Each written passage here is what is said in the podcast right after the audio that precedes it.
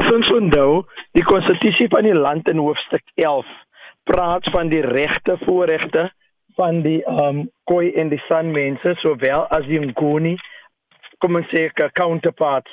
So op die oomblik weet ons sedert 1996 was dit net die Ngunis wat die voorregte van chiefs, hoofmanne en konings geniet het en die Khoi en die San wat die eerste inheemse mense was van die land, het nie daai voorregte geniet nie. Al wat dan gebeur is as 'n mens nou mooi kyk onthou, die land se wet, wie die grondwet is, maak al reeds voorsiening in hoofstuk 11 vir die regte en voorregte van tradisionele leiers.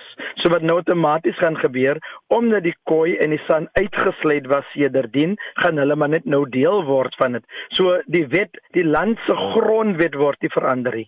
En wat behels hier die voorregte en regte? Kyk, basies wat hier gebeur is, die voorregte en regte is maar net waar ons sekere ontwikkeling van ons eie mense kan laat plaasvind. Ons moet ons op pad langs eerlik wees. As 'n afgeskeepte volk was in hierdie tyd en dan praat ons van die koeis en los maar vir kleerling. Die wat wil kleerling is, is goed, ons respekteer hulle en so meer. Om sodoende vir hulle ook deel te maak van ontwikkeling soos dit wat dit met die Nguni um, gedeelte is van ons land.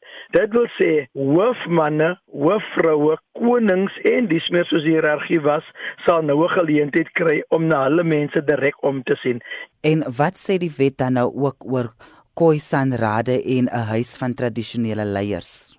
Ja, ek dink daai is een van die belangrike punte.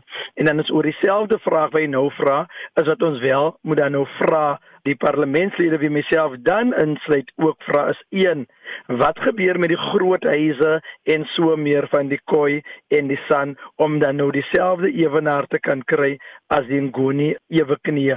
Ons gaan nou daarop uit om eerste ons erkenning te kry dat ons is deel van die tradisionele kulturele groepe van die land soos in hoofstuk 11 saamgevat. Alles wat daarna gaan kom gaan ons aanvaar want ons kan onmiddellik nou ook vra wat van land van onthou 'n koi of 'n san vir alle san wat is 'n san sonder land Wat is 'n san sonder sy wild en sy diere wat hy moet jag en sy gebruike wat hy moet uitoefen? Hoe vorder die implementering dan van hierdie wetgewing spesifiek? Is dit al deur die prosesse waar dit deur uh, die parlement is insluitend die nasionale raad van provinsies? Onthou, dit is soos met die grond ene nou, waar die nasionale raad was dit eerste goedgekeur hande was opgesteek en so meer. Dan word dit verwys na die nasionale raad van provinsies.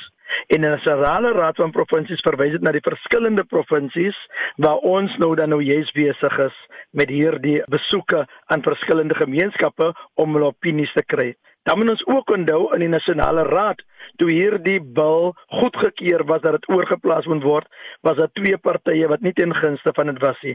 Dit was die DA en dit was die EFF.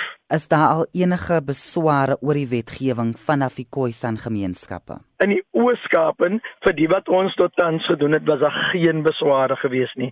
Daar was meer dinge genoem gewees waarop gelet moet word. Waar daar gevra was, die mense voel dat dit is nou te lank. Hierdie selfde wet as ons kyk was September 2013 deur die kabinet al reeds geaanvaar dat dit moes uitgegaan het en dit is 5 jaar daarna waar ons nou sit van September 2013 af. Hoeveel van ons mense is al oorlede? Daar's aangeelheid van die Noord-Kaap hoog in haar ouderdom.